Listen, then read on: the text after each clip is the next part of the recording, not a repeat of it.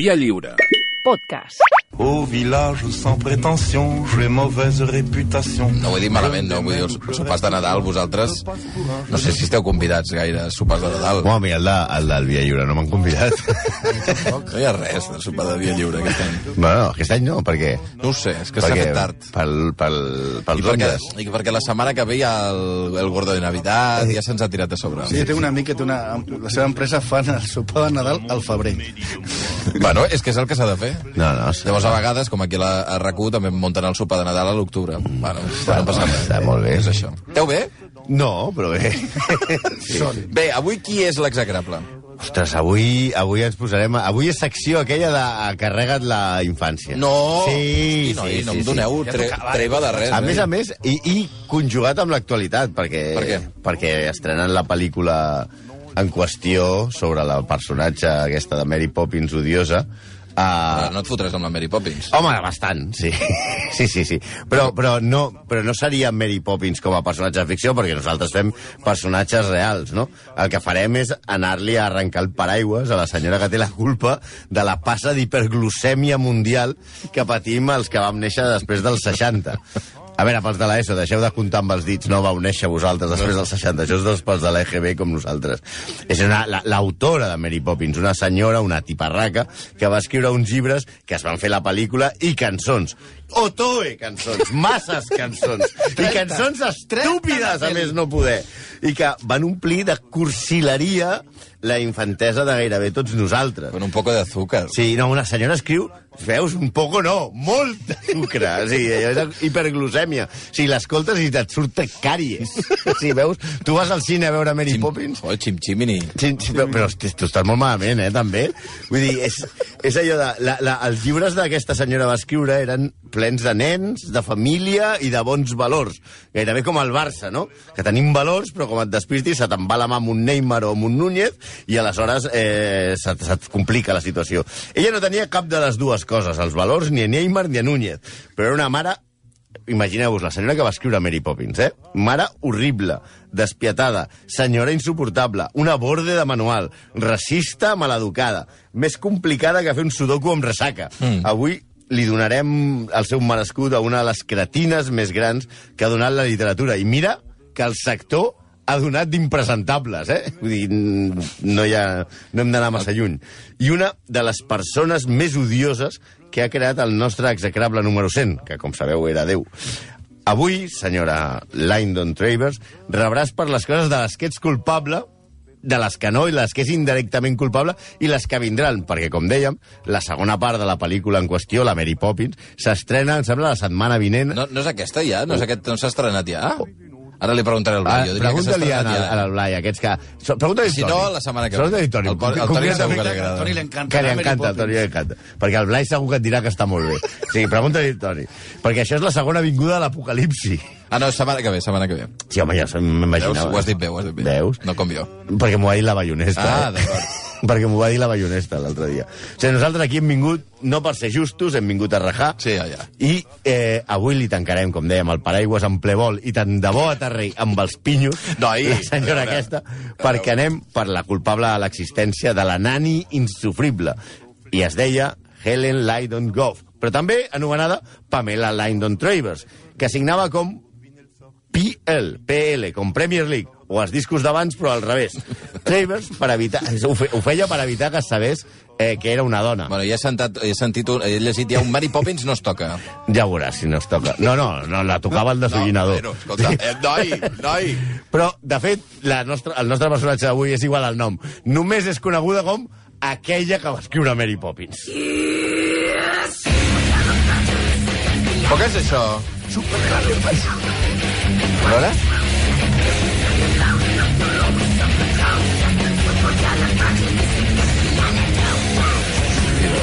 Sí, Això és una versió trash metal Dead in the House de, de Supercalifragilístico, eh? Esperava el supercalifragilisticopiledoso i aquí el Quant teniu. de temps fa que el teníeu preparat, aquesta cançó, els últims 3 anys per poder-la tirar algun dia? No, hem fet l'execrable per fer servir la cançó. No, però és una Sí, versió... és la mateixa infernal, versió. realment. Eh? La ma- Oi, oi, quin mal de cara. A mi m'agrada molt més. Molt bé, sí, Perquè m'agrada molt la de... La, la, la, la, la, la, la, la, la, la, la, la, la, la, la, I la. després un Van Van Dyke també cantant bo. Va, és tira, la per mateixa favor. versió, però sense sucre, Oh. com el iogurt i molt ferro. I anàvem a començar la frase, perquè per començar volíem començar la frase de Snatch, eh, porcs i diamants, però ja l'havien cremat amb una, una, un altre execrable. Londres. ¿Londres? ¿Londres? ¿Londres? Sí, Londres. Ya sabes. Pastel de riñones, taza de té, mala comida, peor clima y esa Mary Poppins de los cojones. Londres. aquest, aquest és el tall. La veritat és que en anglès és més gràfic. Diu Mary fucking Poppins. M'encanta. Per cert, ara que deies Dick Van Dyke, eh, estaven informant, perquè aquest no és exactament avui, sinó abans d'ahir, va fer anys, va fer 93 anys. Ah, Dick Van Dyke. pensava que en tenia menys. Sí, mala lleva. 92. Sí, sí. bueno, comencem amb Sí, la pues està molt bé, eh, per l'edat que té. Sí, Perdona una cosa, haurem de tenir aquesta música tota l'estona o no? Podem, podem posar la de la secció normal? Ho dic perquè per no Per fer... què, eh? Uf, és que jo... Ara, o oh, per favor, Però bueno, descans. comencem com, com, Un dia que semblàvem una, una ràdio, de veritat. Ara avui, avui que teníem canya, però bueno. Comencem per la infància de Pamela. Prou! Té punts en comú amb els llibres de Mary fucking Poppins. Ella va néixer al finals del segle XIX, tant a finals que va néixer el 99, a Austràlia. El seu pare era un executiu de banca, Sí. el que el treball no li va, li va anar malament pel seu alcoholisme. El van degradar a la finestreta Mm. i va haver, van haver d'abandonar una Si mansió... t'imagines amb que a les cames o a un d'aquests, a, a la Patricia Botín, que li agradi, que li agradi molt el pimplà, Sí. passa de directora general a, allò, a obrir, a la la, a obrir la porta. Sí, el, el pare... el que va ser el pare de la creadora de Mary Sí, que Poppins. s'assembla una mica al personatge del pare de, de, de, de, de la família de Mary Que Poppins. també no? treballa a un banc. Sí. I, el, I el pare, aquest pare, de veritat, va morir als 43 anys. Hosti. I havia begut tant que les males llengües diuen que en el taüt van posar un cartell que posava material molt inflamable. Fotis, home, no. No, veure, igual, igual no ho deia. Igual això és una llicència que ens hem pres. d'acord. Perquè ara, jo pagaria per anar a un enterrament a que sortís allò, al No. taüt, material inflamable. Vinga, tira. No, però és veritat que la causa oficial de la mort, a part del seu alcoholisme, van posar atac epilèptic. No ho dirien, no, hòstia, és que va, es va veure l'aigua dels florers. No. Tot i que la seva filla, l'autora de Mary Poppins, la nostra execrable, defensava que era perquè havia begut aigua no potable. Les mateixes males llengües que deien que hi havien posat el, el cartell d'inflamables, és a dir, nosaltres, asseguren que només era un got d'aigua. El pobre home no estava massa acostumat a l'aigua i si no ho estàs, això passa Això és molt, factura. molt dolent, t'arruelles. El pare, ja hem, ja hem vist que era un, un pobre home al qual l'alcohol li va arruïnar la vida. Però la seva mare era de molt, molt, molt bona família. Era la neboda del primer ministre australià Hosti. i tota la branca materna era a pija a més no poder. Oh. Especialment la seva tia àvia, que era la que va mantenir la família amb la seva fortuna un cop mor el pare i que es va fer càrrec dels nens. I molt probablement la persona que va La inspirar... culpa és d'aquesta tia àvia. la que va inspirar a Mary fucking Poppins, que ficava els nens a dormir dient-los, en plan encanteri, speed, spot, a dormir. Això també podia... A mi, a mi se m'havien acudit diversos acudits, però Va. ni cap du, ni un era, pos, era possible dir-lo a aquestes hora, hores. De Speed Spot a Marqual. Bueno, Mira. Pamela, de joveneta, eh, ja començava a escriure i... Pamela. O Pamela. Bueno, com es digui. No, però ja a Austràlia diuen Pamela. Oh, i tant. Ah, val, val, val. Si no, l'Aurorita ens diu, hòstia, que pronuncieu molt malament l'inglès. I hem de dir Lydon i Travers. No podem dir Pamela Lydon Travers. Vale? Eh, va publicar en diversos mitjans, inclosa publicava diverses coses. Va publicar fins i tot, com deia, un, una columna pujadeta de to. Pels de l'ESO, una columna guarra. Vinga. Per exemple, i us llegirem una estreta, convidava els lectors a imaginar-se com ella es teia la roba. No fotis. Diu el text de l'autora de Mary Poppins. Cometes. El sedós silenci de les coses íntimes, fregant amb la meva fragància, llisca suaument cap avall, de manera que em roben la meva última i estimada ocultació. Ja sé que us imagineu una cosa una mica més allà de venga, que te la venga. No, però Va. no, no per és això. favor. Però Per parlem, favor. parlem, Va. estem parlant del primer quart del segle XX, que no, no existia el YouPorn. De fet, això era YouPorn. Es posaven com a cabres llegint això. Després, eh, ella, de posar-se com a cabres burros, eh? a, to a tota la població australiana, que no fa falta tampoc massa, van fer d'actriu i va decidir saltar a, a, al toi, ha posat aquest idiota, el xa, va, sal, va saltar al, al gran, no, no, i va anar a Southampton, a Anglaterra.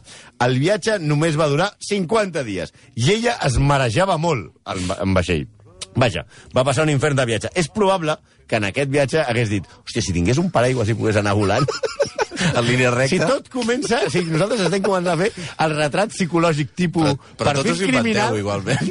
Sí, no, home, ho de Southampton que es marejava és veritat. sí, però va 50 decidir que amb un paraigua es volaria, ho treu Hòstia, ja com, de va, com van enxampar a tots els assassins? Pues imaginant, fent un perfil psicològic. Això és el que fem nosaltres. Un, un, un cop allà, Travers Molt bé. va trobar feina com a periodista, arxivant històries pel The Sun. I finalment escrivint crítiques teatrals. Però ella, ambiciosa, coqueta i encantadora, no deixava escapar una. Quan va enviar uns poemes a l'Irish Statement, va rebre una carta positiva del seu editor que signava com AE. Per cert, ella, ella, ella mateixa anava canviant el nom de Helen a Pamela i després els cognoms, etc. Vull dir que era molt complicat perquè canviava el nom tota l'estona. Bé, doncs ella va rebre... El, ella va rebre la carta d'aquest- de, del, del editor del diari Sí. que li encantaven els seus poemes El guarro, especialment. Va. a, mm, va agafar un vaixell i va anar directament a Dublín a veure'l. Amb ell li encantaven les jovenetes i ella ho sabia. Van mantenir durant anys una relació intel·lectual envoltada d'erotisme, però, segons sembla, no hi va haver mm, intercanvi de fluids. Speed Vinga. Spot. Gràcies a No li ell, va dir, Speed Spot. Va. Al llit. gràcies a ell, ella va conèixer a tota la intel·lectualitat des de Dublín a Nova York. Ella no es va casar i va viure molts anys, ella no es va casar amb cap home, va viure molts anys amb una amiga, 30 anys, amb Madge Bernard, amb la que... I eren molt modernes, estaven... Sí, ja creava una situació al segle XIX de que estiguessin dos dones vivint juntes i a més a més eren bastant, com deia, modernes van anar a Itàlia i, ja, i van anar a fer tobles o sigui que si voleu veure les Poppins de Pamela Hosti, noi. hi ha... home, la, les, la, els pits a, a Lleida es diuen les Popes Sí, no, pues però no imagino els que, Poppins. Va, imagino que a. Southampton es deuen dir The Poppins Vinga, si tira. tu dius, eh. Pamela, ensenya'm, show me the Poppins. Va, noi, per favor. Bueno, era, i això, que i a més a més que era una escriptora, una cèlebre veu femenina, podia fer-nos pensar que era feminista. Doncs no! Era com la Pérez Reverte d'aleshores. Una de les seves frases és que les dones estaven aconseguint gairebé tots els drets de l'home, això al segle XIX, però cap de les seves obligacions. Això li semblava indignat. Oh. És conegut que un dels motius, per, després parlarem, que va odiar la versió de Disney de Mary Poppins és que, li- que de les coses que més li va molestar és que convertissin a la mare de la família Banks en una sufragista. Va dir que això era de dones amb aires de grandesa. La veritat és que a la pel·lícula de Disney hi ha una certa incoherència. A veure, la mare és una sufragista, que eren senyores... que Demanaven el vot femení. demanaven el vot femení i que eren molt contestades en una època molt complicada. Però resulta que aquesta senyora, a la pel·lícula feminista, ai, sufragista, obeeix i assenteix a tot el que diu el seu marit Sí, sense dir ni piu, amb una clara actitud submisa. En què quedem? O sigui, és, és sufragista o és, o és com totes les dones del segle XIX que s'assemblaven a, a, a, les ames de casa? No, és que ella seria masclista, però és que Disney no és que fos precisament Clara Campoamor. Mm. Per entendre's, un era Pérez Reverte i l'altre era Arevalo. Mm. Vaja, que si la nostra Aurorita el veu, els baixa a la ximenella a, a cops d'escombra. Niño, deja ya de joder con la I pelota. el Serrat, que... que... Bueno, perquè els nens... Perquè... Els nens. La- els la- nens. la- ah, està bé, està bé. M'agrada molt aquesta cançó, eh, per Sí, cert. he posat una cançó maca en tota la Sí, bé. I és que la, la Mary Poppins dels llibres no s'assembla molt a la de la pel·lícula. La dels llibres... És que hi ha un llibre abans, sigui, per, per, Ja, ja, ja, per ja, tota ja. la gent... O sigui, La ha pel·li no és la primera. No, vale. La, la dels I què llibres- passa amb la dels llibres? La dels llibres eh, amenaça la família perquè la contractin. No fotis. Eh? Insulta els nens. No, què els dius? diu Sí. caníbals. Els empeny cap a les escales. Però què dius? Els fa menjar tan ràpid que gairebé s'ofeguen. Aquesta és la Mary Poppins de veritat. No fotis. Mary Poppins no és una sèrie de llibres, perquè hi ha vuit. Només un Hi ha vuit llibres de Mary Poppins. Però dèiem que no és una sèrie de llibres agradables. És cert que ella té l'hàbit de salvar els nens d'horripilants experiències sobrenaturals. Però això sembla més beneficiós, ser- ser- seria més beneficiós si ella mateixa no els hagués portat a aquestes eh, experiències. En resum, a Mary Poppins no li agradaven molt els nens. Gens. De fet, amb paraules de la No pròpia. Travers, Mary Poppins és una senyora enfadada, amenaçadora, desdanyosa i aterridora. Sí, en el fons... I amb els pegorans. També? Sí, es veu que sí, que si la posaves al llit, la veies des de fora de l'habitació i No, semblaven va. les Torres Bessones. Vinga, va. Però es veu que Mary Poppins era, evidentment, l'havia fet com ella era, una persona molt poc sentimental. Els que van tractar ella a la factoria Disney diuen que d'aquestes persones era d'aquestes persones, Travers, que gaudeixen sent esquerpes, feridores, maleducades i distants. Vamos, que donen ganes d'abraçar-la. I era una negociadora tranquil·la, sense presses. No en va, va trigar 21 anys a arribar a un acord amb Walt Disney per cedir-li els drets de la novel·la i que poguessin fer la pel·lícula. Sí, perquè Walt Disney estava obsessionat en portar el llibre al cinema perquè li havia donat la seva filla, que devia ser molt passada, suposem. Que si 21 anys dient, va, va, posa Mary que, ja, Poppins. que ja ets grandeta, no? Que ja ets grandeta. Però, però Que Pamela... quan farem Mary Poppins. Calla. Però l'autora no veia clar el tema i sempre s'hi negava. Fins que l'oncle Walt li va pagar 100.000 dòlars de l'any 61, Hosti. que ara serien uns 2 milions d'euros. Vinga, endavant. Òbviament, òbviament podia ser borde, però tonta no era. Tot i així, la relació amb Disney, entre Disney i Travers va ser de gat i gos. S'odiaven. Ella s'imaginava que la pel·lícula retrataria perfectament el seu llibre, cosa que demostra dues coses o que fins aleshores no havia vist cap pel·lícula de Disney, mm. o que no s'havia llegit cap de les històries que Disney havia adaptat al cinema, perquè no s'assemblen en res. O sigui, clar, Disney, sí, eh, li, li feia creure a la senyora que sí, que tot seria normal. Li deia, cançons? No, home, no! No posarem cançons, home! Mentrestant, els germans Robert i Richard Sherman anaven composant una banda sonora de 30, 30, 30! Cabrons, podíeu fer dos, no, 30 cançons en secret, sense que la cotorra aquella ho sabés. Sí. Dibuixos animats? No, senyora. I ara? ara Nosaltres no dibuixos animats? A la Disney? No. La Disney, nosaltres som la Disney, no posem dibuixos. I la tia s'ho va creure. Ni l'èxit de la pel·li, que va, va recaptar una pasta immensa, ni els cinc Oscars li van treure la sensació de que l'havien pres el pèl. Ni tampoc el fet que la, que la pel·lícula sigui una de les poques que estan arxivades a la Biblioteca del Congrés dels Estats Units, al costat de Pulp Fiction. M'agradaria conèixer el tio que fa la selecció per portar les pel·lícules al Congrés dels Estats Units. de cantó. Diu, què poses? Pulp Fiction i Mary Poppins. Dius, però tu ets un tio molt estrany, eh? Bueno, de fet, que li fes, que, que fessin oficial totes aquestes coses, no? Sí, de, de, el, de fet no la van convidar a l'estrena de la pel·li. Sí. Se portaven tan malament perquè se la volien treure de sobre. Però ella va aconseguir anar i al, a l'acabar- en acabar la pel·li li va dir a Disney que la pel·lícula, mira, eh, Disney no funciona, que calia treure els dibuixos animats. Disney, amb molta sort, li va dir aquest vaixell ja s'ha salpat. Que un dia ja no es pot canviar. La veritat Home, és que no sé si la pel·lícula funciona, perquè, com hem dit, ha donat milions de dòlars i ha guanyat molts Oscars, però la veritat és que l'altre dia, per preparar aquesta secció, ens vam posar a veure-la amb el meu fill. I a la tercera cançó, o sigui, un 10%, estava profundament adormit, el meu fill, vull dir. Jo, vaig acabar, jo la vaig acabar per, per, per Perquè veure com ets un gran professional. però se'm, se'm va fer otoe passada. Sí o no? Eh? Sí, Ja no aguanta, passada. eh? Jo crec que no aguanta el temps. Aquesta és la veritat. Ara treuen una versió nova, però jo crec que ja esperaré a tenir nets per veure-la. La cara del Blai amb la versió nova ja et dic que no és bona. No? Va, ostres, pues Sí, si no li agrada, si no li agrada el Blai, si no li agrada el Blai... Ja en parlarem. Deu ser l'Ete i l'Oto, eh? Sí, vull dir, però a Travers no li va agradar perquè, com dèiem, va veure que Mary Poppins estava retratada com una persona molt dolça, perquè la família era massa rica, perquè al final el pare torna al banc, manaós, que a sobre li posin al banc al banquer quan li havia passat tot al seu pare. Però una de les coses que més li van molestar era com a tots, Dick Van Dyke. Felicitats, senyor Dyke. Van posar Ella va posar per contracte que tots els actors havien de ser anglesos. I tots van ser anglesos, inclosa la seva amiga personal, Julie Andrews, que va estar a punt de no fer la pel·lícula perquè estava embarassada de 3 mesos. L'agafa, en lloc de dirigir la Walt Disney, la fa Leticia Dolera i ens quedem sense Julie Andrews. L'únic que no era anglès era Dick Van Dyke, que imita l'accent cockney. És l'actor d'una sèrie meravellosa de referència pel meu, que és Diagnòstic Assassinat, no sé si us en recordeu, que és un doctor investigador que balla claquer quan s'acaba de morir algú, que dona ganes de donar-li amb el bastó i fotre-li de sabates de claquer pel recte Va, fins a sacsejar-lo i, que No, soni, prou. i que soni la marsellesa. D'aquests Avui actors que no poden deixar de somriure mai. La veritat mai. és que donen ganes de matar-lo. Esteu papers. avui. Sí. Ell mateix, 50 anys més tard, ha reconegut que el seu accent és com el mexicà de Bigote Arrocet. Va dir, vaig ser l'accent cogni més atroç de la història del cinema. I si ho diu ell, bueno...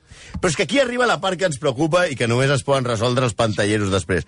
Es veu que el cabreig que va agafar la Travers va ser tant que el seu testament, quan va morir, va prohibir que qualsevol americà pogués adaptar la seva obra literària. Aleshores, ¿por qué, Dios mío, por qué? Ara estrenen un altre si ella va negar els drets per a una segona pel·li. I va deixar set llibres sense drets fílmics. La cosa podia haver estat pitjor. Imagineu-vos set Mary Poppins. De fet, les adaptacions teatrals que han tingut més èxit i que ella sí que va permetre, es van fer a la URSS en ple període soviètic, que era el que li anava. O sigui, allò, fer la Mary Poppins... Però era la Mary Poppins, Mary Poppins original, Sí. amb mala llet. amb mala llet, fent plans quinquenals i portant la gent a Sibèria. Anem a dormir ara Sí, que, que era allò, venga, cómete tu vómito, salta. Noi, escolta, escolta, per favor. Però és que això de que fossin tots anglesos no sembla una qüestió de versemblança, perquè ella volia que la pel·lícula fos més creïble. Sembla que Travers era una mica racista.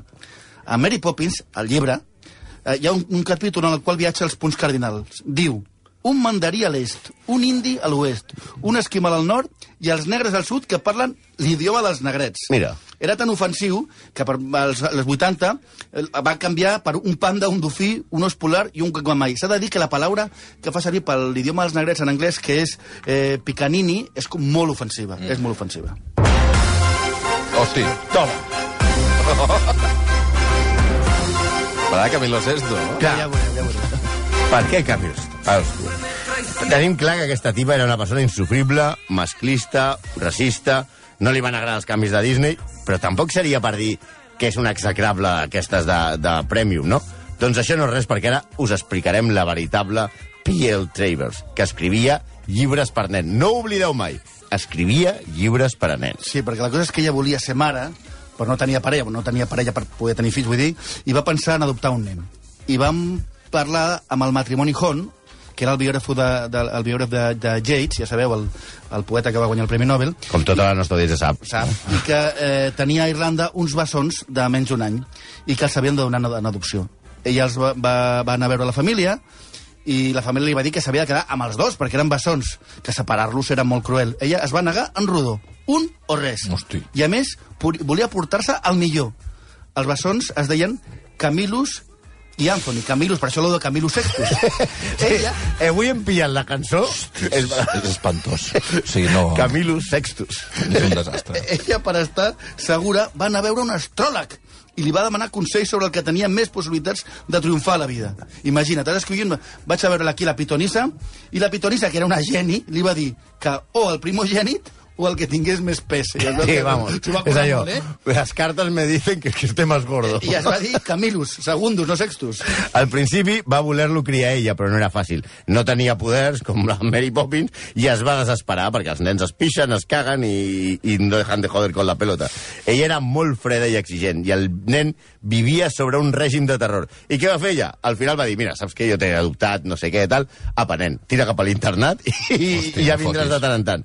I mai, mai a la vida, això és molt important, li va dir que era adoptat, ni que tenia un germà bessó. Oh, no I aquí fotis. hi ha- aquí Li tenim- va amagar que tenia un germà. Sí, clar. Però Oi, va oi, passar? oi, oi. Clar, aquí hi ha dues versions. Una és que Camilus... Sextus. que Camilus, eh, que amb 17 anys ja era alcohòlic, No va tenir un accident... Bueno, el tio va noi- començar... Home, tenint en compte la genètica que no tenia res a veure del seu avi... Sí, que no tenia una gota de sang del seu avi, tot pot ser. No, que, que ella era alcohòlic. Va tenir un accident amb un noi pobre que era igual que ell, idèntic. I van anar a veure la seva mare i ella els va fer fora dient-los la veritat. Però hi ha una versió una mica més creïble. Un altre és que Sextus, Camilus, es va assabentar de casualitat que tenia un germà i que era adoptat. L'Anthony es veu que va, es van posar en contacte i l'Anthony es va presentar a casa de la senyora Travers i va dir, escolta, explica'ns què passa perquè som germans. Ella entra en còlera i el fot fora de casa. Ella li havia dit al seu fill, a més, al Camilus, que el seu pare, òbviament, havia sigut un magnat del sucre que havia mort en estranyes circumstàncies. No, no, el sucre era ella, no ens inventi coses. bueno, aleshores, els fa fora i, aleshores, a l'Anthony agafat amb una, amb una terrible depressió, va emborratxar-se per tots els pubs de Chelsea. I l'altre, què fa? Pues surt a buscar-lo. I què van fer? Dos germans que es retroben després, què fan? Pues es tornen a pillar una castanya com un piano, no? De fet, està comprovat que és que Camillus realment va ser alcohòlic, va tenir diversos accidents de cotxe, i el, i el primer era als 17 anys, cosa que concorda amb la primera versió. I va morir alcoholitzat i amb un record no gaire bo de la seva mare. Joseph Hone, el germà gran de tots dos, que va tenir la sort de quedar-se amb els seus pares biològics, va assegurar que Pamela es va creure que ella era Mary Poppins, però de seguida va veure que no estava preparada per criar i ajudar nens, que de fet tampoc li agradaven. I els seus nets, en el seu funeral, en el de Pamela, van sentenciar que va morir sense estimar ningú ni ser estimada. És a dir, la iaia que tothom volia tenir. Clar, la, la, tota aquesta història que de separar nens eh, en néixer s'ha al·ludit en els seus biòpics. Perquè una cosa és ser una rondinaire, que pot ser fins i tot graciós, i una altra separar bessons. Però imagina't que això passa al Canadà i ja no tenim el programa aquest en el qual un és agent immobiliari i l'altre fa reformes. O els germans Torres allà amb les cuines. Clar, imagina't. No es pot fer això. O els de Bur. Què Els de passaria? Bur. No, Ah. anaven jugant junts a Un tot arreu. drama, un drama. 11 i 6 minuts, i vosaltres dos, que sou com germanets bessons, què haguéssim fet si no us haguéssiu trobat? Imagina. Execrables, gràcies, eh? A vosaltres. Aniré a veure la pel·lícula quan pugui. Sauf les aveugles, bien entendu.